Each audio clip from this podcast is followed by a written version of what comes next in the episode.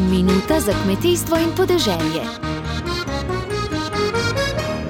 Predstavniki kmečkih nevladnih organizacij ne skrivajo, da so pogajanja z vlado zašla v slepo ulico. Dopoldne ob 11. naj bi pogovore poskušali obuditi. Vse pa je, tako je razumeti, odvisno od obeh ministrov in predsednika vlade.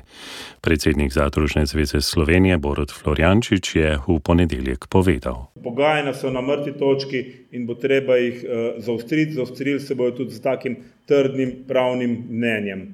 Uh, drugače pa še mogoče ena cvetka iz teh sestankov, ko smo sedeli pri gospodu premijeju, pri gospodu Golobu, uh, je bilo jasno povedano strani ministrice za kmetijstvo in ministra za naravne vire in prostor, da sta naredila ta dogovor, da pride v strateški načrt, kot je prišel za vogalom, eh, brez nas, medresorsko.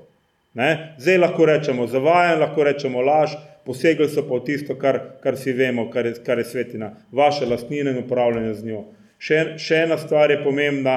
Ja, eh, navajeni smo zelo, taga, eh, zelo zanimivega pogovora z uradniki in tudi danes ga srečujem. Glejte, Žalostno je, da moramo inštitucije, ki hvala Bogu, da smo uh, nevladne in smo tudi nevezane državni proračun, ugotavljati ustavnost zakonodaje, da naknadno ugotovimo, da zakon o hrani narave ima zelo pomakljivo zakonodajno podlago za, to, za ta predlog uredbe.